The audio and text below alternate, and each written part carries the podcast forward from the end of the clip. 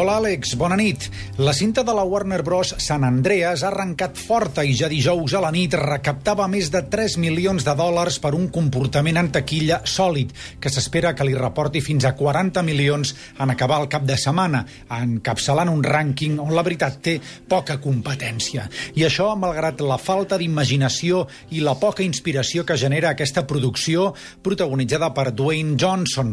L'actor hi interpreta un pilot d'helicòpter de rescat dels bombers de Los Angeles que s'erigeix en heroi davant l'arribada del temut gran terratrèmol que els sismòlegs han predit que un dia o un altre afectarà Califòrnia.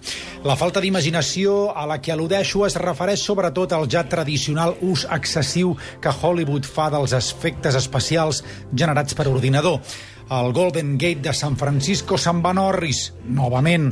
Edificis simbòlics ensorrats, el cor de Los Angeles esmicolat, i mentre la gent sucumbeix al desastre, els protagonistes transiten com si res entre aquesta destrucció, preocupats a parts iguals de salvar la pell i la dels seus familiars i alhora resoldre disputes domèstiques i, i incursions amoroses d'adolescents realment d'un guió lamentable.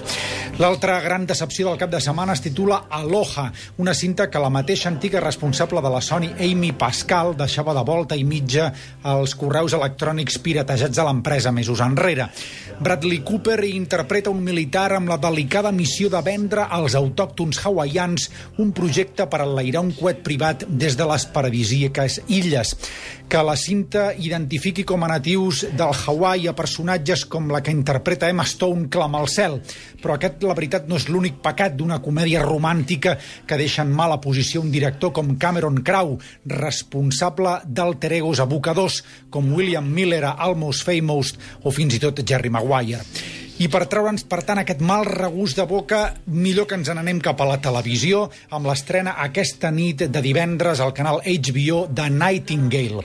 A la producció de 83 minuts, el David Oyelowo, que ja va excel·lir a Selma, interpreta majestuosament un empleat de supermercat i el seu lent però inexorable descens cap a la bogeria, el tot en la intimitat de casa seva. Oyelowo broda la seva feina en les condicions més difícils. Parlem d'un sol personatge, una única localització, cap seqüència de somnis passats, cap flashback, cap efecte especial, res. Oyelowo li parla a l'ordinador, a si mateix a l'habitació buida, en un exercici d'interpretació bestial que se'ns presenta davant dels ulls sense divulgar la línia que separa realitat i engany. El producte és d'un atreviment extraordinari i, en conseqüència, el resultat és absolutament magnífic. Això és tot per aquesta setmana, Àlex. Bona nit.